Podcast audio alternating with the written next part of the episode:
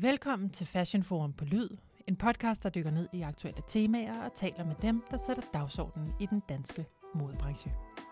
Programmet er sponsoreret af Connected Retail by Zalando, Zalandos digitale løsning til fysiske butikker i Danmark. En sikker og brugervenlig platform, der forbinder din butik med flere tusind danske Zalando-kunder og kan hjælpe med at øge dit online-salg med op mod 60%. Læs mere om Connected Retail by Zalando på connectedretail.dk. The winner is Tobias Birk Nielsen.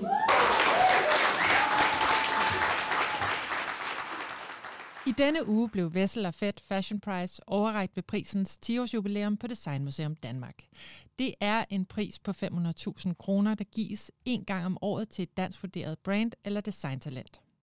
I år var finalisterne Isopoetism by Tobias Birk Nielsen, Sofia Hallet, Biro og Niklas Skovgaard, og de præsenterede her onsdag deres brand for en kombineret dansk og international modejury. Og ultimativt sidst på dagen, så var det Isopoetism by Tobias Birk Nielsen, der løb med præmien. Ham har vi fået besøg af i dag, og så har vi tidligere på ugen talt med Nina Vedel Vedelsborg, der er stifter af prisen. Så tillykke. Tak. Hvordan har tak. du det lige nu? Ja, jeg er mega, hvad hedder det, overwhelmed.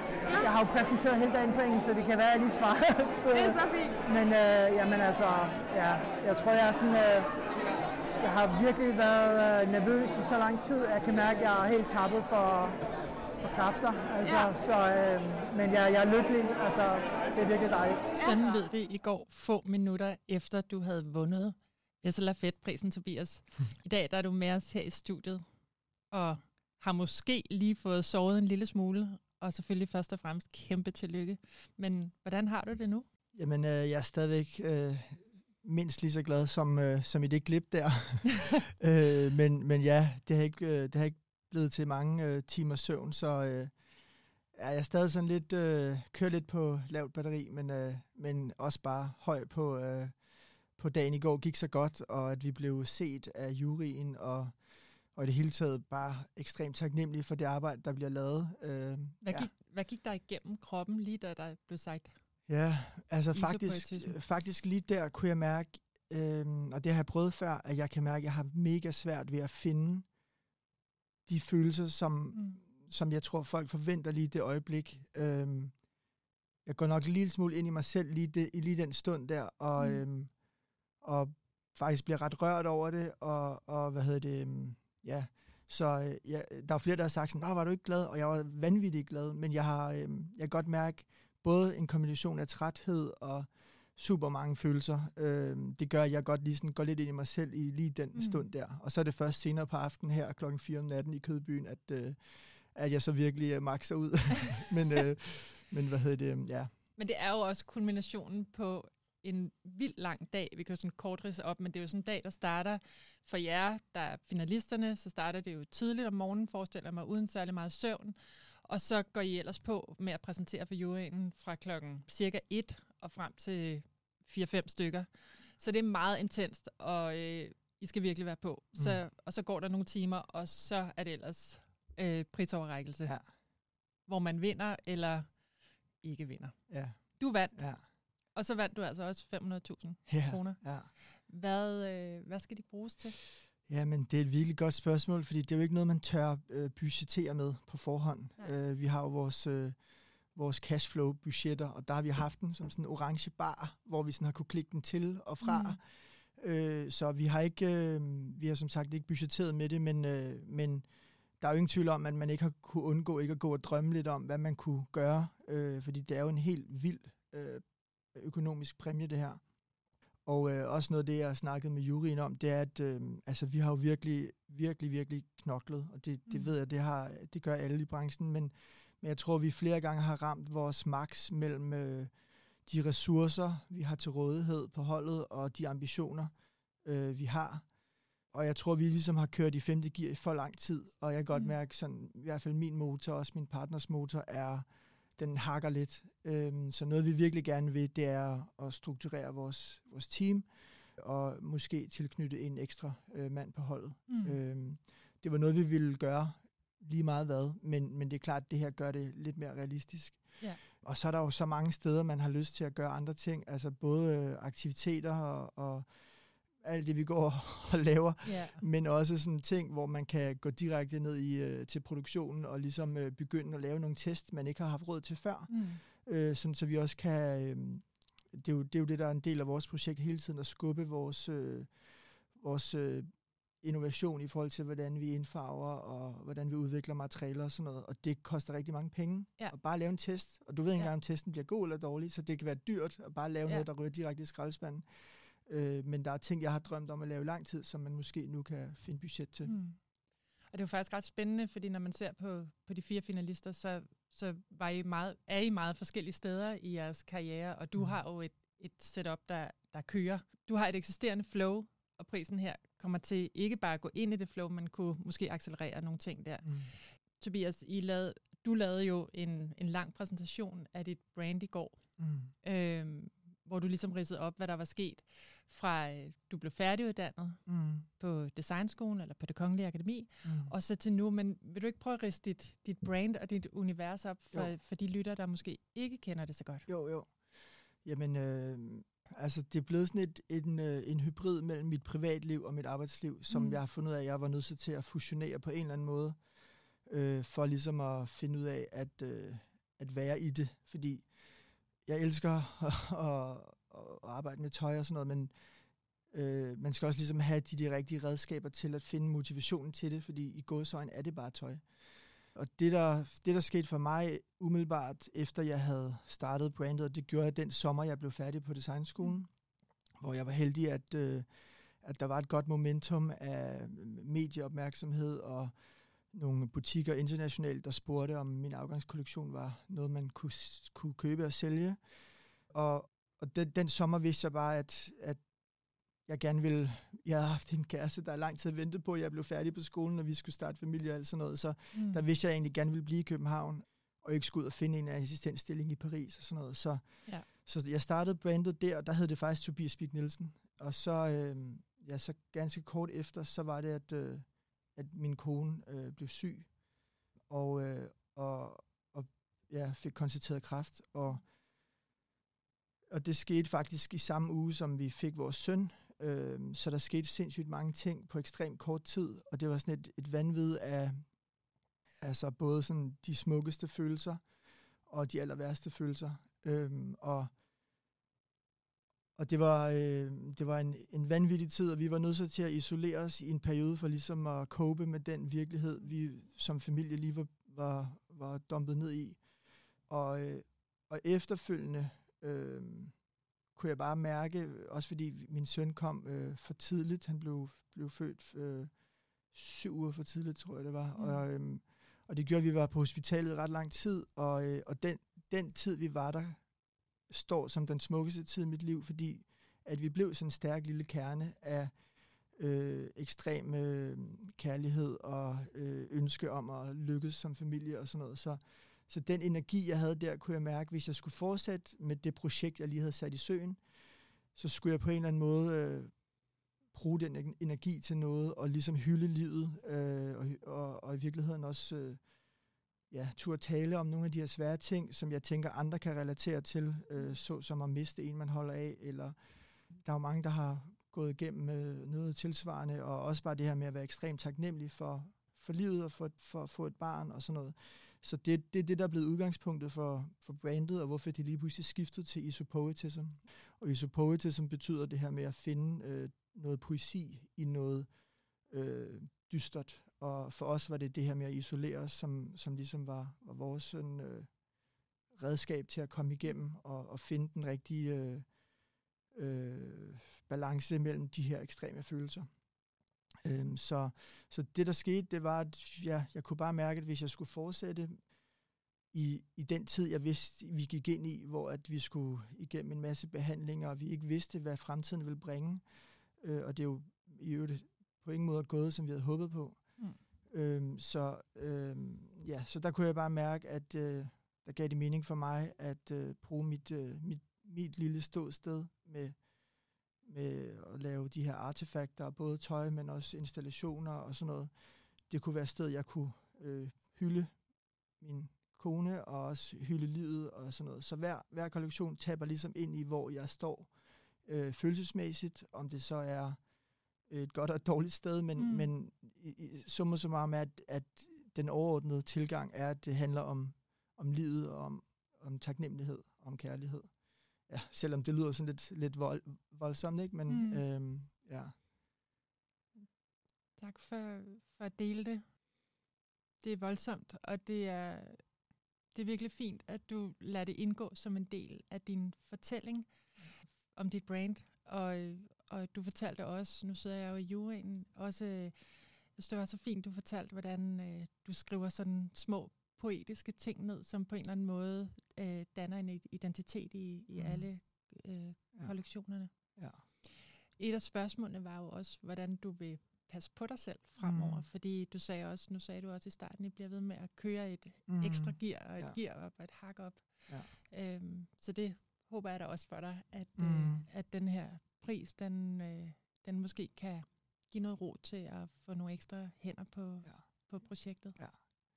Jamen, det er helt klart, det er jo øh, en ting af det her øh, arbejdsliv, som man jo føler er det vigtigste, mm. men det er det bare ikke. Altså det, slet ikke, når man har et, øh, en lille dreng, og øh, ens forpligtelser er jo tusind gange større hjemme, end når man er på arbejde. Så, så det, er sådan, det har været en, en ret svær balancegang, både igennem hele sådan sygdomsforløbet, men også særligt nu, når det er bare mig mm. og min dreng, at, øh, at finde, øh,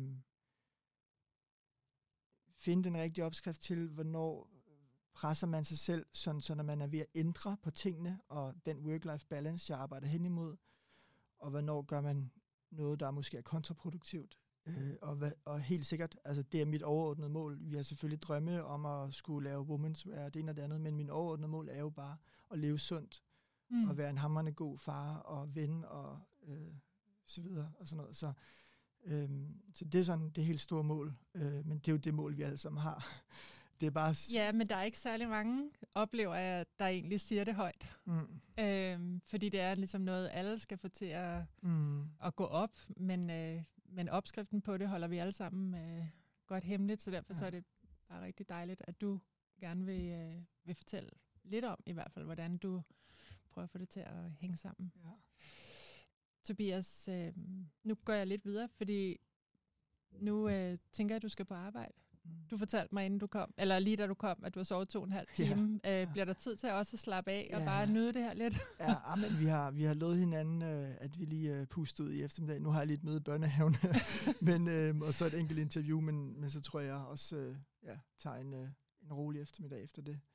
Og så, så er det jo bare det med mode, at øh, hver gang man har bestiget et bjerg, så er der jo bare et nyt, øh, en ny sæson og øh, nye øh, problematikker. Vi har lige en producent, der er under lockdown lige for tiden, og så står man med den hovedpine og sådan noget. Så, så det er jo sådan et evigt møllehjul, der bare... Øh, så sådan, der er korte pauser til ligesom at stoppe op og, og nyde øjeblikket. Men det skal man selvfølgelig tvinge sig selv til, og det prøvede vi virkelig også alle sammen i går. Men det er sådan en gift og en curse i modebranchen, det er, at, øh, at hamsterhjulet kører bare ud af, og det er virkelig vigtigt, at man lige en gang imellem tør at stikke hovedet ud og lige sådan se tilbage på, hvad man har lavet, og anerkende hinanden og nyde de der opture, der er, så man ja. bedre kan håndtere nedturene.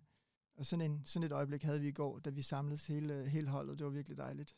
Fantastisk. Ja. Og står på, på toppen af en bakke og kigger ud. Ja, sådan føles det. Sådan føles det lige i dag. Jamen, det er ja. jo helt vildt. Øh, jeg tror faktisk ikke, det er rigtigt er gået op for mig, hvor fantastisk en pris det er. Fordi det er jo enestående, at man, en ting er det økonomiske, men også det netværk, der er omkring mm. prisen. Mm. Øh, Copenhagen Fashion Week, som jo supporter helt vildt, og, og I supporter og er med til nu også at snakke om, om det, og øh, en helt fantastisk jury, øh, som jo er nogle folk, man jo normalt ikke lige sådan møder øh, mm. i sin hverdag, så man får lov til at få feedback fra, og altså, så, så der, der skete så mange ting i går, og jeg kun ved sådan at, og sådan, nå ja, også det, og ja, og det var også fedt og sådan noget. Så det, sådan, det kom lidt i drypvis for mig, de her øh, timer.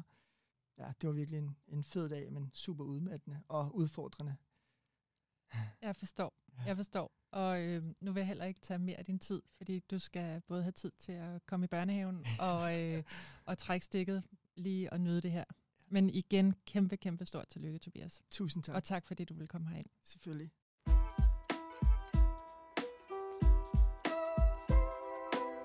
Øh, er det ingen hemmelighed, at jeg selv er en del af juryen til denne her store modepris, der blev uddelt i går. Øh, I år så var jeg en del af den jurygruppe, som vurderer finalisternes brandingpotentiale. Og her der ser vi blandt andet på den historie, som finalisterne kommer med, og også mere overordnet, hvordan de præsenterer sig selv som brand. Og det var jo fire meget forskellige og virkelig unikke brands, som vi stod med i går. Men det, som fik vægtskolen til at tippe over mod Tobias Bæk Nielsen som vinder, var, at han på mange måder er så formfuldendt i sit brand, men at vi samtidig også kunne se et stort potentiale til, at han kunne drive det meget videre og kunne bruge den her pris til det. Og det er jo i høj grad også det her udviklingspotentiale, som vi kigger efter, når vi sidder sammen som jury. Men hvad er prisens egentlige formål, og hvordan er den opstået? Tidligere på ugen havde vi besøg af stifter og initiativtager bag prisen, Nina Vedel Vedelsborg, og hun fortæller om prisen, dens start og dens fremtid.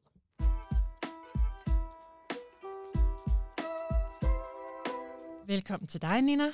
Det er jo dig, der står bag denne her pris og har stiftet den tilbage i 2012. Men i forhold til en designpris, hvad er så din personlige drivkraft i det her?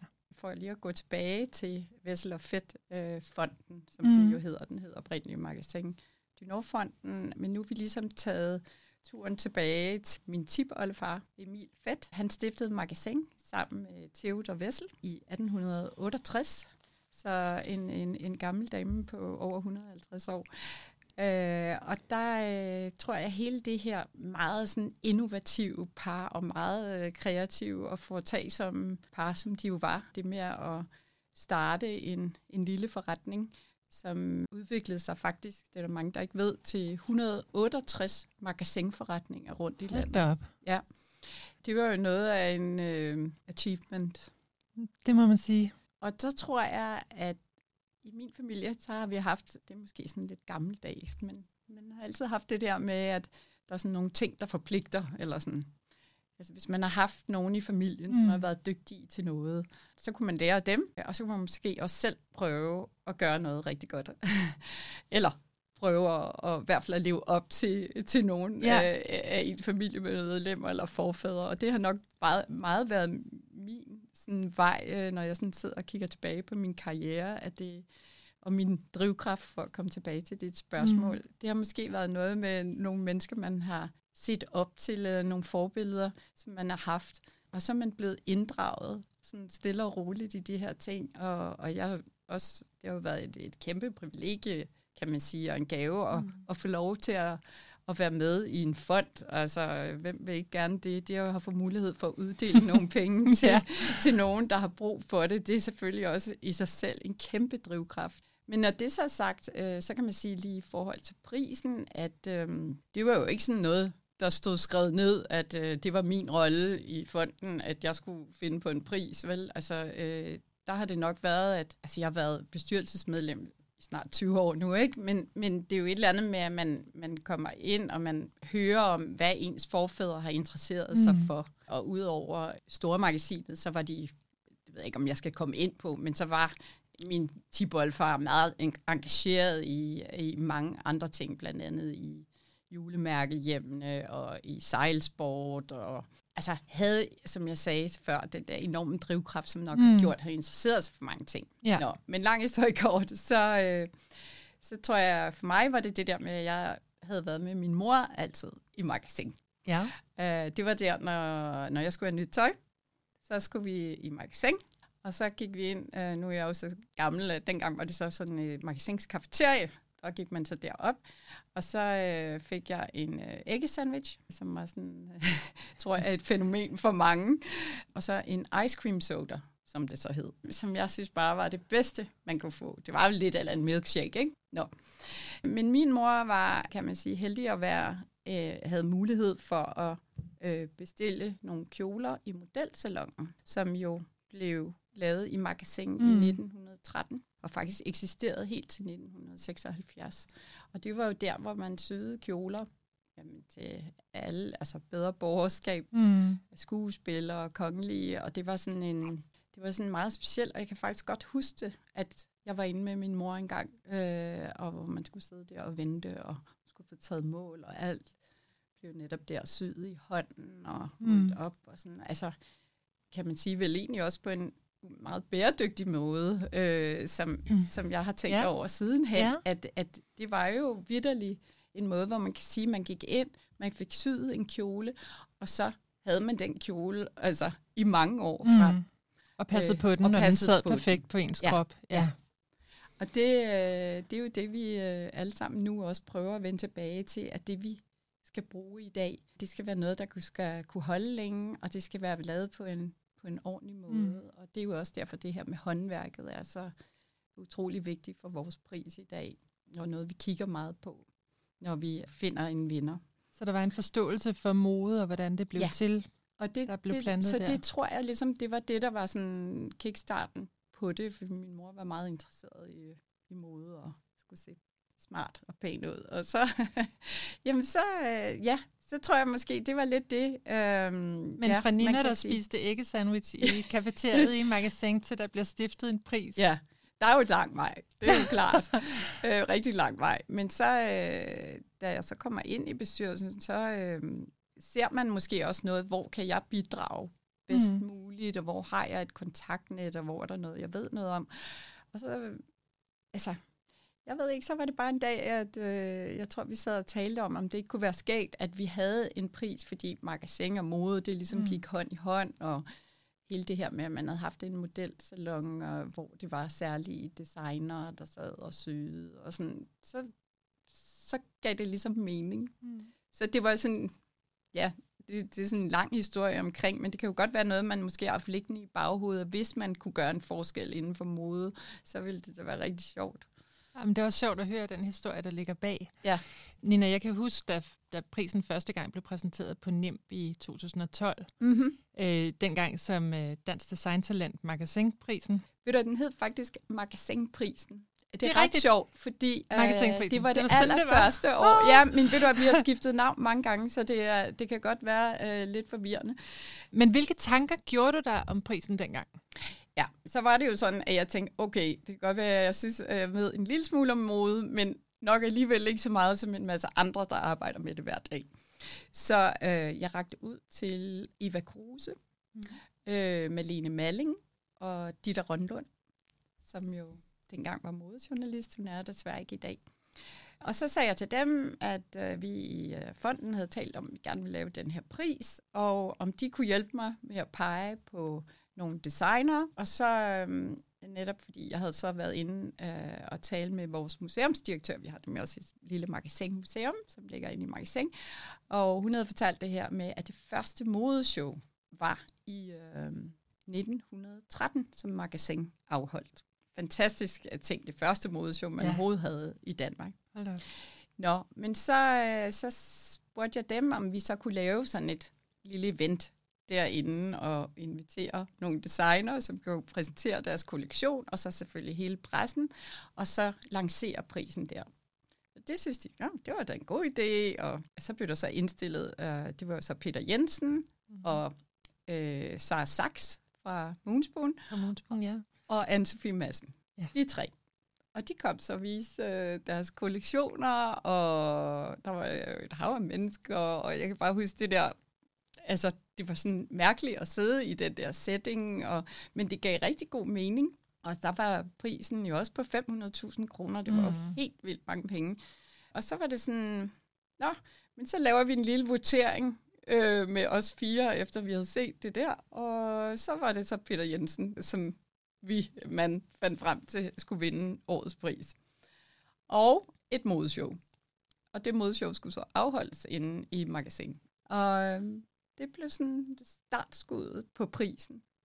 Du har jo allerede der haft et, et ret højt ambitionsniveau omkring det, altså også bag prisens størrelse. Ja, det var det. Og så, øh, så kan jeg huske, så var det så faktisk prinsesse Marie, der kom og overrakte prisen. Peter øh, havde lavet et meget flot show. Altså, det er jo ikke et kæmpe øh, rum derinde, så, men, men det var utroligt, kan jeg huske, hyggeligt og meget intenst. Og, og det var sådan en rigtig god start. Altså nu, så, så, når jeg tænker gennem årene, hvor vi mm. har netop, hvor det så udviklede sig året efter til Dansk Design Talent Magasinprisen og Statens Museum for Kunst og Røde Løber og logovægge og sådan noget. Altså det var jo et helt, helt øh, andet øh, setup, men selvfølgelig fantastisk for for, for prisen, og, og jeg er meget taknemmelig også for det samarbejde, som vi havde med Uffe Bukhardt og, og Kim Greno og Jens Lykke dengang, hvor man kan sige, at de var virkelig med til at løfte prisen til øh, et helt andet niveau, fordi at, at man virkelig kom ud blandt en meget stor gruppe af mennesker, som interesserede sig for mode og gerne ville hjælpe designer, danske designere frem.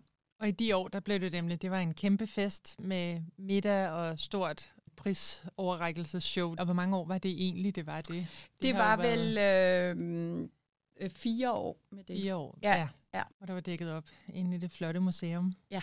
ja. Efter vi så havde kørt nogle år med Dansk Design Talent Magasinprisen, øh, så fandt vi egentlig ud af, at øh, nogle, nogle nye alliancer, kan man sige, og, og vi fandt et nyt øh, eventbyrå, kan man sige, som vi så gik i samarbejde med, som hedder Moon, øh, Frederik Bjergård og Martin Gessing, og, og det var øh, også en sådan kæmpe ny energiindsprøjtning, fordi de havde sådan en anden tilgang øh, til prisen, end vi, end vi tidligere havde haft, og et, et fantastisk internationalt netværk, som også gjorde, at vi kunne løfte prisen igen øh, til et endnu højere niveau. Så det, det har haft en sådan meget naturlig udvikling. Og Nina, når du siger en anden tilgang til prisen, hvad var det især, de så kom med? Var det den internationalisering, eller hvad ja, tænker du? både det, men så egentlig også, at vi så... Øh, nu har vi talt det der om, at, at prisen har haft mange navne, men så gik vi lidt tilbage til igen og kaldte øh, Magasin du Nord Fashion Prize, øh, fordi at det var jo det, fonden øh, gerne ville støtte op om. Det var noget, øh, kan man sige, samarbejdet med Magasin og fonden, som er to uafhængige ting, men øh, hvor vi igen kunne binde vores forfædre eller vores tiboldefar sammen med stormagasinet Magasin. Men Nina, hvis du skal se sådan, fordi nu, er, nu har prisen også taget en ny form. Hvordan vil du beskrive den udvikling, som prisen har undergået i de her 10 år? Jamen, jeg synes, at det, det har været en, en meget relevant udvikling, den har gennemgået, fordi vi jo hele tiden har prøvet at tilpasse, altså hvad tiderne, kan man sige, foreskrev og efterspurgt. Altså vi har selvfølgelig øh, fra at være en lille pris blevet en, en meget markant pris, mm. og, og jeg tror, det er Skandinaviens største i dag, og det forpligter jo også på mange måder. Så som jeg også sagde før, der var virkelig mange mennesker involveret i, i sådan en pris og sådan et setup. En ting er, at man har nogle idéer og nogle tanker, hvor man gerne vil hen, men jeg har jo også været allieret igennem alle år med nogen, som havde kompetencer inden for lige speci- specifikt det område. Og i takt med, at hvad kan man sige, forbrugere har efterspurgt forskellige, altså nu har vi jo snakket så meget om bæredygtighed, og mm. det er jo mm. klart, det er jo blevet en meget, meget naturlig del af, af prisen i dag, fordi vi alle sammen gerne vil være med til at, at gøre verden et bedre sted, og vi ved godt, at, at tøj, det forurener utrolig meget. Så, så det er selvfølgelig en ting, der vi har været meget glade for at kunne være med til også at ændre på mm. i, i tankegangen og de krav, vi, vi stiller til designerne i dag øh, og har haft et, et kæmpe hold af både mentorer og jurymedlemmer og alt muligt, som også har kunne guide os i, i den rigtige retning. Så altså, der er jo mange, der har spillet en stor rolle i det her, for at mm. få den på det niveau, den er i dag. Ikke? Nina, det kunne være, at vi lige skulle rise op, hvordan det rent faktisk foregår i dag. Ja, det foregår på den måde, at øh, vi samles øh, sådan før sommerferien, typisk øh, sådan maj-juni måned, en lille gruppe af, som jeg igen siger, sådan kompetente mennesker. Nu vil jeg ikke fremhæve nogen, men, men altså nogen, der har en erfaring øh, inden for bæredygtighed, men også selvfølgelig inden for design og mode i det hele taget, som følger, hvad er det for nogle tendenser, der rører sig lige nu, og følger med ud på akademiet, hvad mm. er det for nogle designer, der kommer ud af akademiet lige nu, og hvem har vi, som er derude, øh, som gør en kæmpe stor forskel. Altså, det er jo ikke nødvendigvis nogen, der lige er kommet ud af akademiet, mm-hmm. som bliver nomineret til prisen. Det kan også være nogen, der har været i gang et stykke tid, men, men ikke har lavet så mange kollektioner. Øh, så så sådan den der bevidsthed om, at der for, hvad foregår der i Danmark i øjeblikket mm. på den scene. Og så bliver der så måske indstillet jamen altså, nogle år har vi måske haft 15 eller 20, men hvert år så tænker man, hold da op, altså kan der virkelig være så mange danske designer derude? men der er jo virkelig mange, som bare, det er deres livsdrøm, ikke? Mm. og deres drivkraft, apropos de tidligere mm. spørgsmål. Og så, øh, så det der med at kode det ned til, nogle år har vi haft tre finalister, og nogle år har vi haft fem, og i år har vi så fire. Så det er sådan lidt tilfældigt, hvordan det falder mm. Så har vi en lang diskussion om, hvem vi synes, øh, og primært hvem jeg mest lytter, men hvem de andre synes. Og, øh, og så, så finder vi så frem øh, til finalisterne, og så er det så mig, der ringer ud øh, til dem og siger, at de er blevet indstillet, og det er altid en fantastisk chance at have, fordi at de bliver jo så lykkelige. Og, altså, det er jo sådan en af de ting, hvor man bare tænker, uh, alt det arbejde og alt det energi, man lægger i noget, men at høre den der taknemmelighed, det er virkelig noget, der rører mig meget. Ja, så. og så arbejder de jo så på deres almindelige arbejde og forbereder dagen, hvor at den her prisen skal... Ja, så foregår det så på den måde, at de får en mentor, mm. og øh, det er jo også nogle super øh, kompetente, det kan jeg godt øh, nævne, det er jo Nikolaj Refstrup øh, og Rebe- Rebecca Bay og Silas Adler, og i det her i år er det øh, Sofie, Sofie Bilbreje, ah, ja. ja. Og hendes CEO. Og hendes CEO, ja. ja. Så det er jo også altså, nogle meget kompetente mm. mennesker, og som har været, kan man sige, selv på et tidspunkt det sted, hvor de er, hvor man starter op, og ikke kender nogen, og ikke ved, hvordan man laver en forretningsplan, og måske ikke mm. ved, hvilken økonomi der skal til, og hvordan, hvad skal jeg ligesom satse på, og gøre mig fokusere på, alt det her. Altså, som en mentor selvfølgelig øh, har en super erfaring til mm. at, at vejlede i.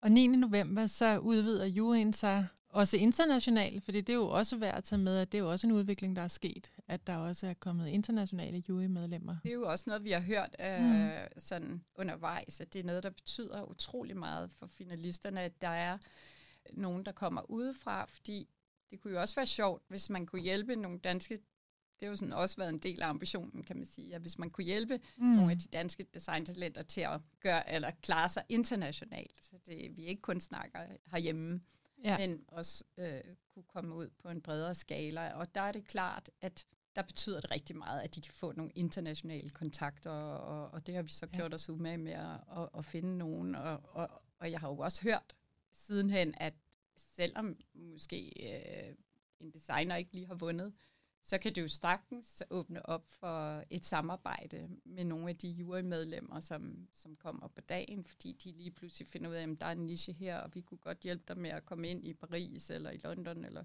ja. Så selvom man ikke vinder prisen, ja. så har det faktisk en ret stor betydning alene at være nomineret? Altså, det er i hvert fald øh, det, jeg hører fra alle, mm. at den opmærksomhed, som det ligesom kræver, øh, det gør, at designerne er jo lykkelige for at og bare at, at være med. Øh, og det er det, vi også altid siger, det er jo ikke altså, det er jo ikke bare det at vinde, det er jo også det at være der på selve dagen ja. og møde det her netværk, som måske kan hjælpe en fremad. Ikke? Er det selvfølgelig fair nok at være skuffet, ja, hvis man ikke vinder? det er det. Det er det selvfølgelig. Men det er jo sådan i mm. konkurrence, mm. at der er kun sådan en, er det. der kan vinde. Ja. Og så er de jo så rundt og, øh, og præsenterer for de forskellige grupper af juryer, og så til sidst, så bliver det så afgjort ved en simpel håndsoprækning, hvis jeg husker det rigtigt. ja, det er ikke helt så simpelt. Der det er ikke helt så simpelt, fordi mange... der er rigtig mange diskussioner i løbet af den dag. Ja.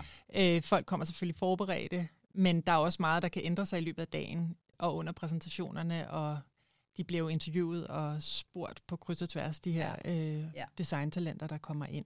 Men det slutter ved, en, at man skal afgive en stemme, selvfølgelig.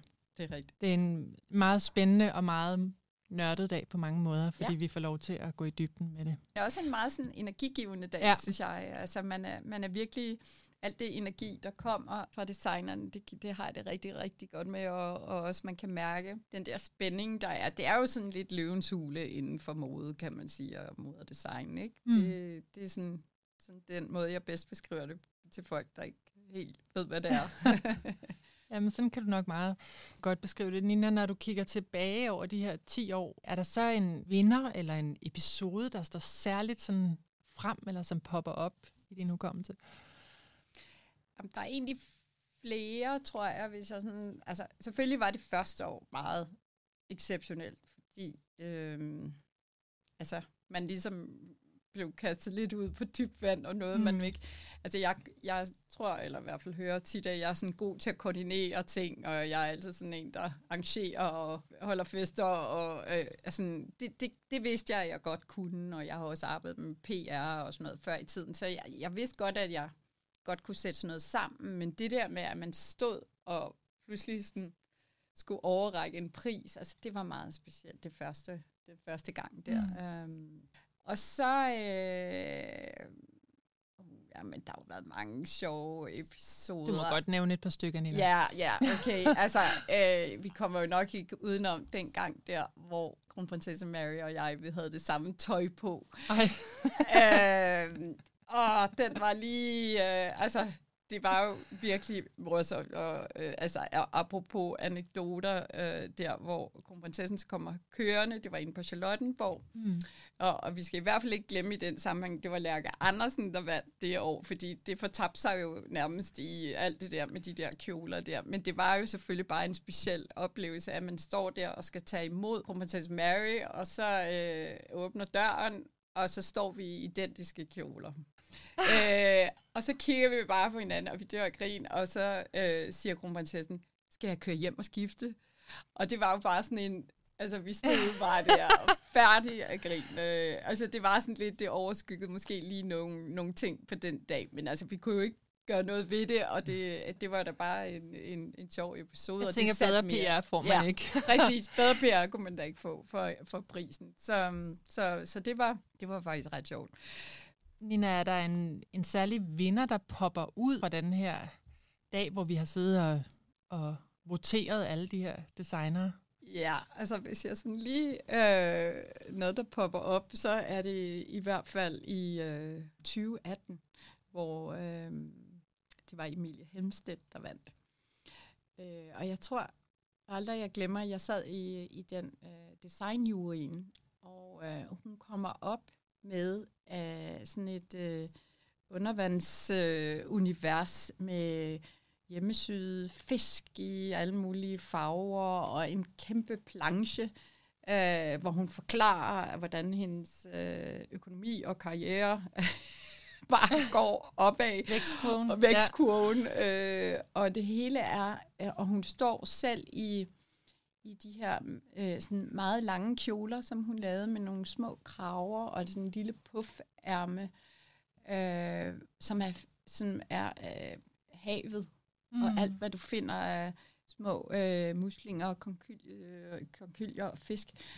Og så, øh, så begynder hun at fortælle om det her univers, og hvordan hun var inspireret af Bennys badekar, og der er simpelthen en af jurymedlemmerne, der begynder at græde, fordi det er så øh, oprigtigt, mm. øh, og så meget for hjertet, og så passioneret. Jeg tror, vi alle sammen bare kunne følge med i, hvordan hun var startet, og, og hvordan det her pludselig var ved at, at udvikle sig til noget meget mere, som det jo så har gjort, som eller det har vist har sig. Ja. Og jeg kan faktisk godt huske det, Nina. Jeg, øh, og jeg kan også huske det der med, hun var lidt, det må vi jo godt sige, hun var lidt på en eller anden måde et wildcard, for hun var så ny øh, i branchen på det tidspunkt. Og så kommer hun der med, med sit, ja, det var virkelig, øh, ja, jeg tænker på øh, Bernadotte-skolen og øh, noget Jørgen Klevin og sådan noget. Det var meget hjemmeklippet, men det var alligevel så sammenhængende et univers, som hun kom, og det rørte jo simpelthen alle. Ja. Og derfor var hun årets vinder. Ja. Der, ja. Udover det, så vil jeg så sige, at jeg tænker også selvfølgelig tilbage på under covid, hvor vi i 20 faktisk formåede at afholde. Øh, altså det var jo i meget, meget lille skala, og, og øh, man måtte jo ikke samles øh, nogen mennesker, så det var meget var online, og øh, vi synes jo heller ikke i sådan en svær tid, at vi skulle gå ud og bede en masse nye designer om at stille mm. op og krige og nye kollektioner og alt det der, som ingen jo havde lyst til, og ingen havde brug for. Så, så derfor øh, så besluttede vi faktisk, at vi så ville nominere alle tidligere vinder, mm. som stadigvæk var aktive, til at, at, at være med det år i konkurrencen. Og der øh, kom de så præsenteret deres kollektioner, og så, øh, så endte det jo så med, at det var Cecilie Bansen, som så vandt for anden gang, mm. hvilket jo var meget exceptionelt, men selvfølgelig også, fordi hun er en enestående øh, designer og virkelig har gjort en meget, meget stor forskel for, for dansk mode og dansk øh, design, også i udlandet. Øh, men ellers er hvert år jo bare fantastisk, fordi at der er så meget glæde og, og så meget energi, som jeg også sagde tidligere, hvor man bare øh, virkelig føler, at der er taknemmelighed og øh, nogen, som gerne vil noget med deres passion. Mm. Øh, og det, det synes jeg er fantastisk at opleve hvert år. Nina, så, altså, nu nævner du selv Cecilie Bansen, øh, som jo helt klart har været en af dem, som blev fanget lige på det rigtige tidspunkt, og, og hvor prisen havde en stor betydning også for, at hun kunne sætte af. Og det har vi jo andre eksempler på også, hvor, hvor den her pris har været med til at give et stort skub i, i de nomineredes øh, forretning. Der er også nogen, der er lukket, og der er også nogen, der er gået konkurs. Kan du pege på noget, som der skal til for, at man lykkes som brand? Der er jo flere ting, fordi det, altså, som med alting her i livet, så er der ikke noget, der kommer af sig selv. Det er jo helt basalt, at du skal være en meget dygtig håndværker, ligesom Mm. have designdelen i orden. Og det er jo også noget af det, vi prioriterer meget højt i voteringen af, hvem vinderen skal være. Så skal du jo helst også have nogle folk omkring dig, der kan hjælpe dig, fordi det, altså, det er jo sjældent, at sådan et one-man-show eller one-woman-show, det ligesom kan, kan udvikle sig, hvis du ikke har nogen, der støtter dig. Og det er jo også det, prisen selvfølgelig er, er med til at skubbe på med, og du skal jo selv have et ønske også om Mm. at eskalere. Det er jo ikke alle designere. Der er jo også nogen, der bare siger, "Men jeg vil bare for de få og lave noget, fordi jeg elsker at kreere ting, og, og så, så bliver det jo på en anden måde. Og det er jo heller ikke noget, vi stiller som krav, at man nødvendigvis skal gå ud og blive et kæmpestort brand. Overhovedet ikke, men vi kigger på, om det er et brand, der vil have mulighed for at kunne klare sig internationalt. Ja. Men ja, altså, der, det, og så er det jo så også lidt en, der er jo også noget held med i det, at du lige øh, møder den rette person, som måske er den person, der kan løfte dig videre mm. I din karriere, dit forløb. At du har ramt noget i design, som taler bredt ud. Og det vil jeg sige, det, det tror jeg også selvfølgelig kan skubbe på til, at en, at en designer kan, kan få en, en, en international karriere, hvis det er det, vi taler om. Men, men det er det helt basale, som skal være på Mm. plads. Og så, øh, så senere hen, så kommer så de mennesker omkring en, og selvfølgelig økonomi. Altså, det er jo Ja. meget fundamentalt, og vi spørger jo også altid, hvis du vinder prisen, hvad har du så tænkt dig at bruge de penge til? Og der får man jo også en fornemmelse af, mm, hvor er de henne i, i deres forløb, og hvor er det, der lige står og mangler nogle, nogle penge. Fordi man selvfølgelig som designer gerne vil bruge al sin energi på at Mm. kreere og designe, og ikke har lyst til at sidde og kigge på omkostninger og marketingplaner osv. Så, videre, så, videre. så det er jo, men det er jo bare en del af det. ja, og måske heller ikke har de helt store kompetencer lige til nej, det, nej. men er enormt dygtige designer. Ikke? Ja. Det er jo meget forskelligt, hvordan man er skruet sammen. Ja. Spændende at høre fra en, øh, jeg tør godt kalde dig ekspert på området. Nina, nu markerer I jo 10 års jubilæum Ja. i år.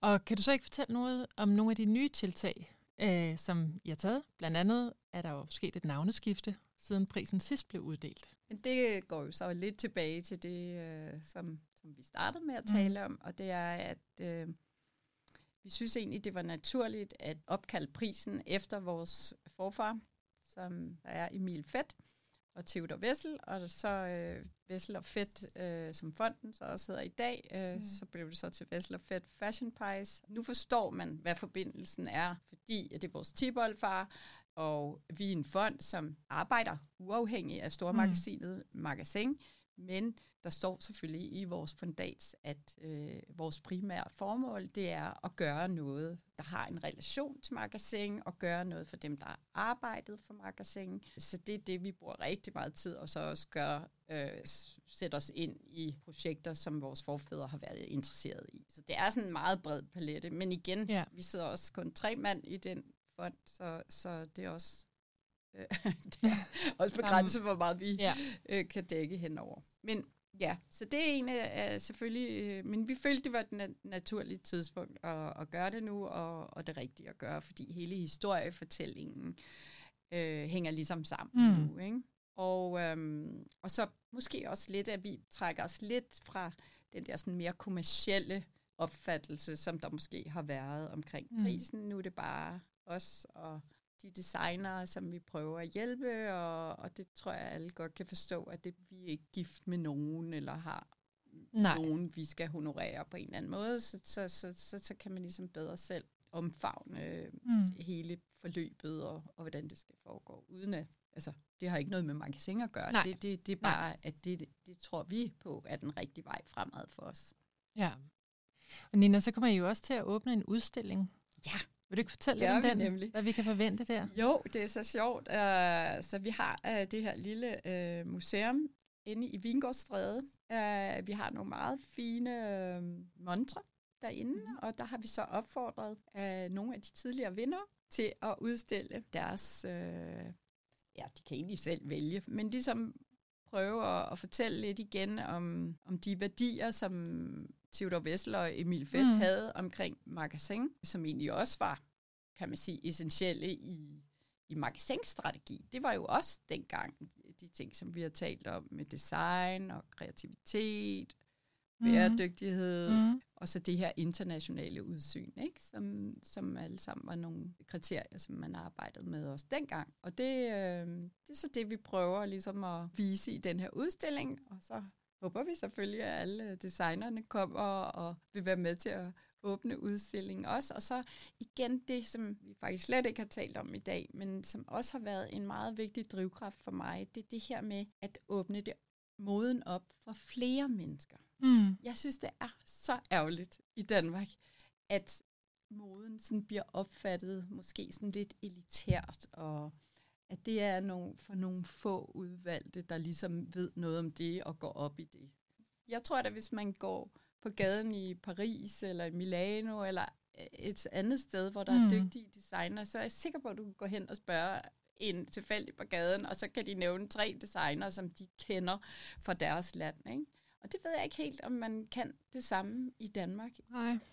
Og Jeg vil nok give dig ret, at vi ikke har den helt samme sådan Ja, modeforståelse og måske, altid. Eller, ja. ja. jeg ved ikke, fordi man skal vel heller ikke have en særlig forståelse, men måske også den der lidt stolthed over, Mm. at man har nogle mennesker, som kreerer nogle fantastiske ting, ikke? Og, og kan et håndværk. Det, det, ved, det gør vi jo meget ud af, kan man sige, på madscenen og på kunstscenen mm-hmm. og i mange andre kreative erhverv. Og der kan jeg godt nogle gange sådan spørge mig selv om, mm, hvorfor er det, at man ikke sådan på samme måde går op i design eller modescenen? Og der øh, håber der for eksempel sådan en udstilling her, som er åben for alle, at, øh, som vi åbner den 19. januar i øvrigt, Mm-hmm. at det kunne være noget, hvor folk kan komme ind og sige, Nå, det er de, de danske designer, der ligesom har præget den danske modescene igennem 10 år. Mm. Så det er sådan også en af tankerne bag det. Spændende. Mm. Nina, hvordan tænker du, at den her, her mod slutningen af interviewet, hvordan tænker du, at den her pris skal udvikle sig? Fordi der er jo, der er jo blevet bygget meget på, og der er kommet en mentorordning med, og en internationalisering af prisen også. Hvor- Hvordan ser du prisen udvikle sig? Ja, i den forbindelse vil jeg også gerne sige noget, der også er helt specielt for i år. Det er jo, at vi har indgået et samarbejde med Copenhagen Fashion Week. Mm. Øh, og det er jo også bare for at sige, at der tager man den måske også endnu et, øh, et skridt opad, eller et trin opad. Og, og det har vi gjort på den måde, at øh, vinderen øh, så øh, kommer til at indgå i Copenhagen Fashion Weeks øh, talentprogram, øh, hvor øh, de ligesom i tre sæsoner øh, bliver fuldt, også med mentor og Mm. øh, showroom, og hvor de kan præsentere deres kollektioner under modeugen. Plus at vinderen øh, af Vessler Fed Fashion Prize også får muligheden for at øh, få åbningsshowet Ja. til Copenhagen Fashion Week Ja. øh, februar Februar. Ja. 23. Så der også er et længere forløb bag prisen, altså når man har vundet. Ja. Så, øh, så bliver man holdt lidt i hånden lidt længere tid. Præcis. Ja. Så går du ligesom fra en mentor øh, til nogle nye mentorer, Ja. men også selvfølgelig bliver løftet, løftet ind i Copenhagen Mhm. Fashion Week, som jo er toneangivende, kan man sige, for, for dansk mode. Så det, de synergier, vi har, er, synes vi var, var super gode, så det, så det ville vi selvfølgelig gerne. Mm. Øh, og på den måde udvikler prisen sig hele tiden, og vi har masser af stadigvæk gode idéer og tanker. Øh, men du ved, øh, jeg tror, at mit ambitionsniveau nogle gange i forhold til også de andre opgaver, jeg har i fonden, det skal jeg måske lige sådan lægge lidt låg på. Men jeg gør i hvert fald, hvad jeg kan, øh, for at prisen hele tiden er med, og jeg er meget stolt af, at, øh, at det er Skandinaviens største pris, og, og jeg håber virkelig, at vi får sat et aftryk både her i Danmark og, og i udlandet, at øh, vi kan hjælpe nogen på vej. Det kan man jo sige allerede har gjort, og det er jeg sikker på, at der er rigtig mange, der er meget taknemmelige for. Tusind tak, Nina, fordi du vil komme ind og fortælle os, ikke mindst baggrunden for prisen. Det er rigtig spændende. Tak fordi du var med. Tak.